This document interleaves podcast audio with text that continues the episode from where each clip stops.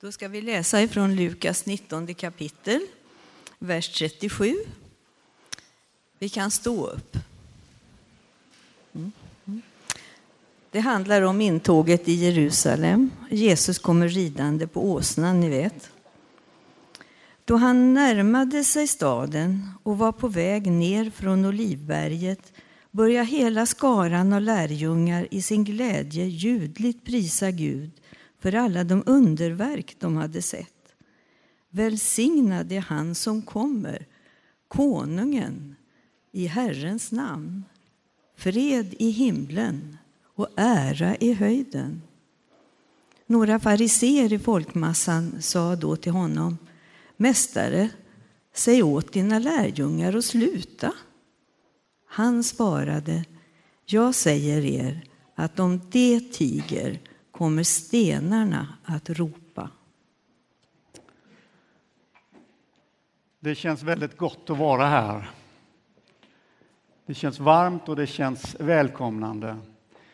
Så jag ser väldigt mycket fram emot att lära känna er och arbeta tillsammans med er och gestalta någonting riktigt bra i Göteborg. För det är det det handlar om, att gestalta goda saker. Eh, jag vill tala om tacksamhet idag. Lovsången är ju ett uttryck för någonting som finns inuti oss, en tacksamhet.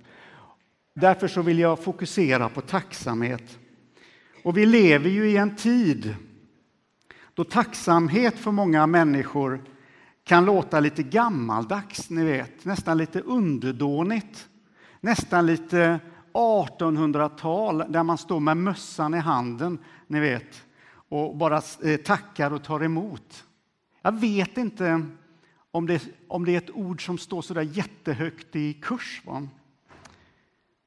Jaha, tänker man, där går en människa som är tacksam men lite begränsad. Va? Saknar ambitioner, får aldrig se förändring därför att man sitter och är nöjd över sakernas tillstånd. Att vara tacksam är nöjd över sakernas tillstånd. Så kan en del tänka. Och det kanske inte är det hetaste i att skriva i, en, i ett CV att jag är den tacksamma typen. Ni kan prova det så kan ni komma tillbaka till mig sen och så får vi se om hur många som har fått jobb. Vår tid fostrar oss att ta ganska mycket för givet.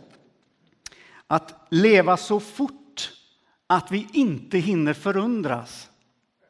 Alltså tempot är så högt så vi inte hinner uppfatta ibland det som finns att vara tacksamma för. Och det är kanske till och med så att vårt samhälle fostrar oss till att bli eh, utveckla, kanske vi skulle säga, en viss gnällighet över sakernas tillstånd och hur saker och ting är. Är det så att man är mer trovärdig i vårt samhälle om man, om man när en gnällighet i sitt liv än om man är en tacksam typ? En sak är, är väl säker, att det sitter väl mer gnälliga människor i panelerna i tv i alla fall, än tacksamma. För de tacksamma människorna är ju fullständigt medialt ointressanta. Helt. Men vi kan ju, du och jag, också provoceras av tacksamma människor och tycka att de inte riktigt vet vad det är att leva när livet är svårt. De är lite, lite för positiva, på gränsen till naiva. De är kanske inte riktigt synkade med verkligheten som den är, som vi upplever den. Att, att man lever någonstans med, med skygglapparna på. Va? Så visst finns det en, en dålig tacksamhet som är stillasittande, som är improduktiv, som är låsande. Kanske förenad med en rädsla för, för förändring och för det här nya. Men så finns det ju också en tacksamhet som är konstruktiv och god. Och den tacksamheten får helt andra positiva, livsförändrande effekter i, i dig själv och i din omgivning. Alltså tacksamhet är inte liksom någonting som du har i din innerficka för din egen, som en halstablett eller någonting. Utan det är någonting som också ger en effekt i din, när, i din närmiljö, i dina relationer. Och den här goda tacksamheten som jag pratar om här, den börjar alltid i hur du ser på världen. Alltså vad du fäster din blick vid. Vad du väljer att se. Och det som du väljer att fästa din blick vid, det har en kraftfull eh, ska säga, eh, förmåga att forma hela ditt liv, hela din kvalitet. I evangelietexten så läste vi hur lärjungarna var på väg ner från Olivberget och ljudligt började prisa Gud för alla de underverk de hade sett. Välsignad vare han som kommer, konungen i Herrens namn, fred i himlen och ära i höjden. Alltså, de tog ifrån tårna. Och mötet med Jesus skapade en tacksamhet som man får eh, för sig. De, alltså, de inte riktigt lyckas herbergera i sig själv. Det måste liksom ut. Va? Det är som en boast i de här personerna som, som, eh, som är i det här läget. Så mötet med Jesus skapade tacksamhet. Och det är inte svårt då att tänka, vad var det de fäste sin, sin blick vid? Vad var det de valde att se? Jo, man såg Jesus. Man såg det goda han gjorde. Man såg effekterna runt om honom. Man såg att han hade en förändrande kraft. Alltså man, man var någonting på spåren. Och det här, allt det här aktiverade då tacksamheten, spontaniteten och lovsången. Men sen har vi ju fariseerna. De som stod där i folkmassan, de hade valt att fästa sin blick vid något annat. De kunde inte se det där som lärjungarna såg och gladdes över. De var kritiska och de värnade den rätta läran, strukturen och ordningen och kanske också makten. Va? Tänk, de ser helt olika saker. Och lovsångståget, det går liksom förbi dem och där står de lite gnälliga kvar på perrongen och missar hela grejen. Och Jesus är många gånger i Nya testamentet väldigt kritisk till fariseerna över vad de väljer att fästa sin blick vid. Så när Jesus positionsbestämmer fariseerna så placerar han inte dem i centrum utan han placerar nästan alltid dem, om man tittar i texterna, i periferin. Alltså, de lever i periferin. Och det är inte det, lyssna på detta om du, om du vill. Det är inte i periferin de stora andliga skeendena sker och händer. Det är så lätt att glida lite, lite mer och så glider vi ut i periferin. Tacksamhet aktiveras aldrig i periferin. Den aktiveras i centrum. Och var det lätt då, när vi hör den här berättelsen, att, att vi eh, associerar oss eller identifierar oss med de glada lovsjungande lärjungarna och tänker att fariseerna, de är vi kanske inte riktigt lika. Men tänk, båda de här grupperna finns inom oss. I dig och i mig.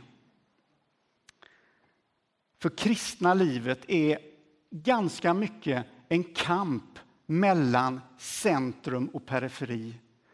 Du som har levt som kristen ett tag känner detta, att det är en pendel och, det gäller att hålla sig i centrum.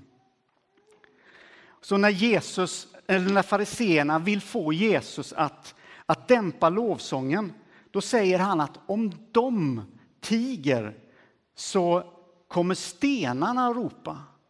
Det hade ju varit fantastiskt att få vara med om ett sånt lovsångsmöte. Har ni tänkt på det? Alltså bilden.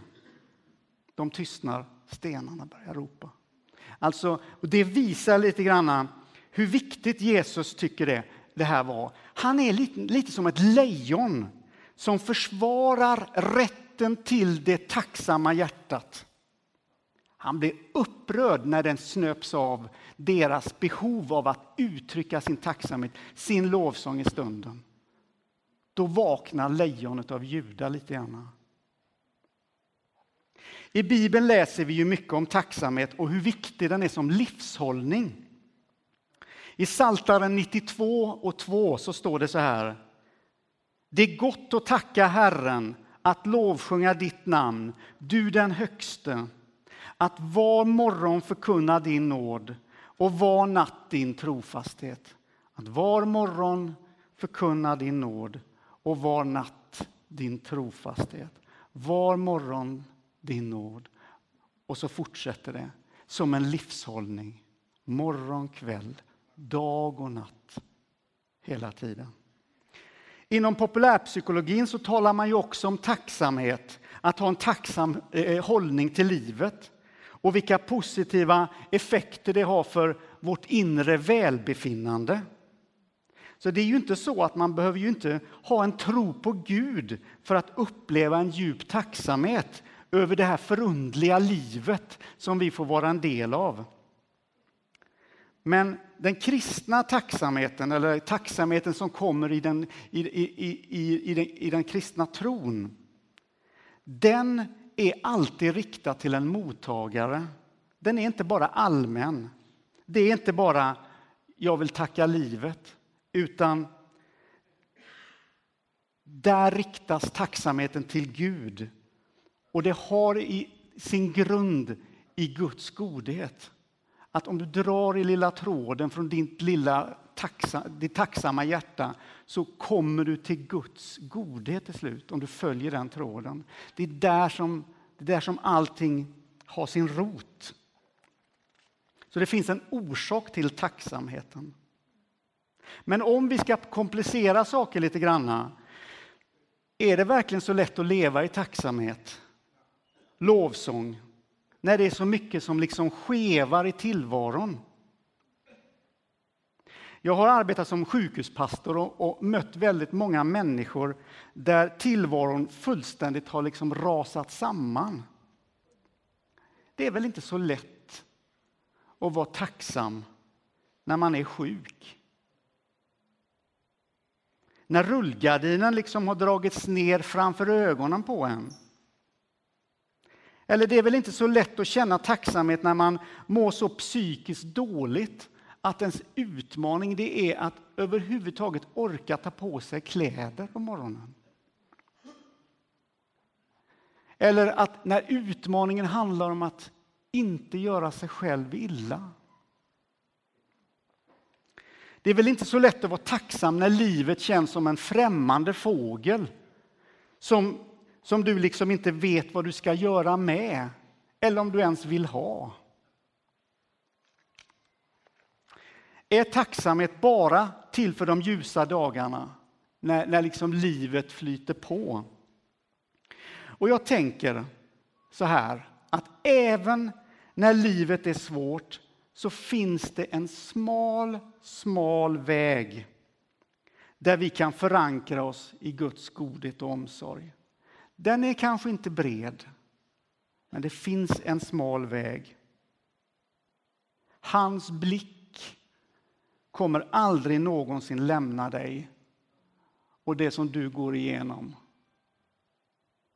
När livet känns som att du, du, har, du ser en meter framför dig för det, det är så dimmigt och, och förvirrat. Han vet var du är. Han har koll på dig. Tilliten till Gud är grunden till tacksamheten. Och tacksamhet växer alltid i tillit. Annars blir det bara munnens bekännelser. Hjärnan som, som, som lovsjunger. Men tilliten till Gud är det viktiga. Men låt mig säga också att tacksamhet är inte som en läskautomat där du stoppar i en, en peng och klonk så kommer det ut en, en läsk. Det är en process. Det är inte alltid att det går fort. Det är därför du och jag får jobba med att vara tålmodiga med oss själva i det, i det vi är. Gud ser alltid dig och mig precis där vi står. Han sitter inte och säger till dig, jag önskar, eller jag, jag, jag tycker att du borde ha varit där. Nej, det, det, han är inte sån. Han börjar precis där du är och där du står.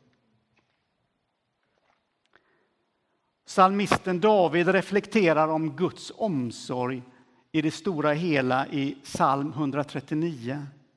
Där det står Du omsluter mig på alla sidor och håller mig i din hand. En sån kunskap är mig alltför underbar. Den är så hög att jag inte kan förstå den. Vart ska jag fly för ditt ansikte? Om jag får upp till himmelen är du där. Bäddar jag åt mig dödsriket så är du där. Tar jag morgonrodnadens vingar, gör mig en boning ytterst i havet, ska också där din hand leda mig. Om jag säger mörker må falla över mig och ljus blir natt omkring mig, så är inte mörkret mörkt för dig. Natten lyser som dagen och mörkret äh, och natt, vad ska jag säga? Är inte mörkret mörkt för dig. Natten lyser som dagen och mörkret är som ljuset. Att djupna i tacksamhet till Gud och hans löften handlar om att få djupa sig i den här tilliten. Att du är buren. Det är som en mänsklig relation. Om du träffar en partner och börjar dejta så kommer ju inte den här djupa tilliten på en gång. Det är ju någonting som får växa fram.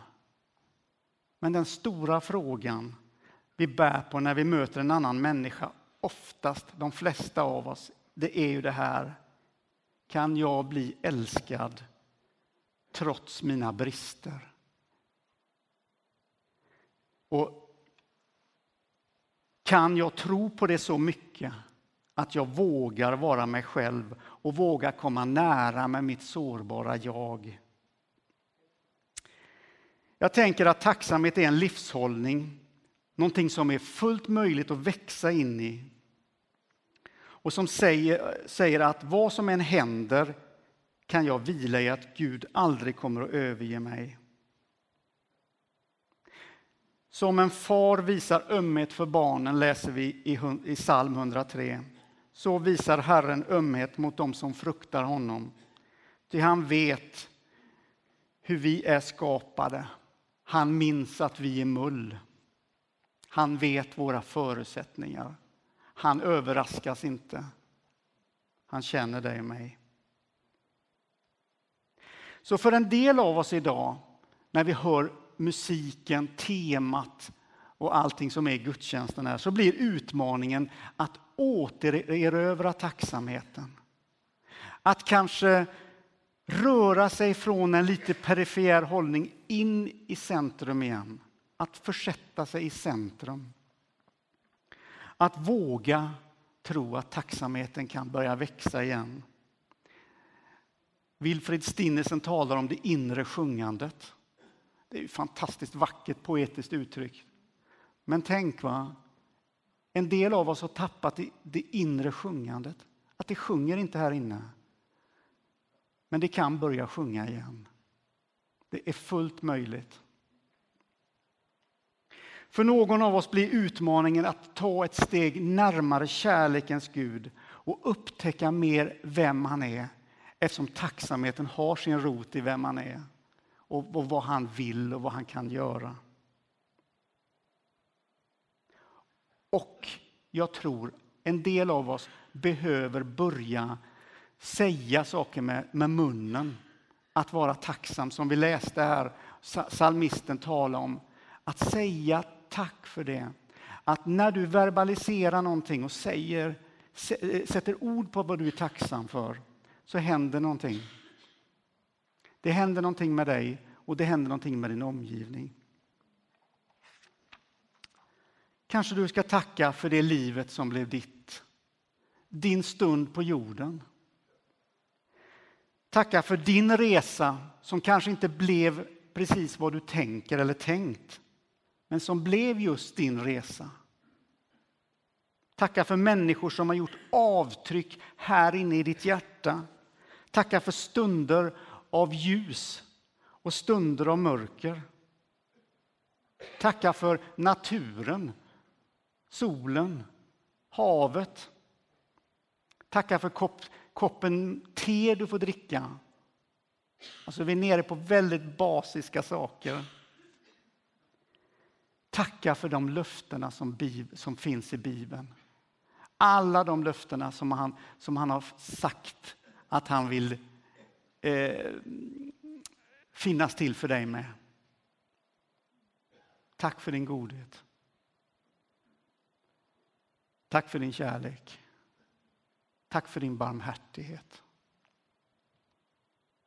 Tack för, för ditt tålamod.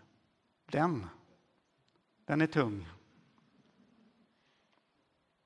Tack för din vidsynthet. Tack för din förändrande kraft. Tack för att det du ser, Gud, är bara möjligheter.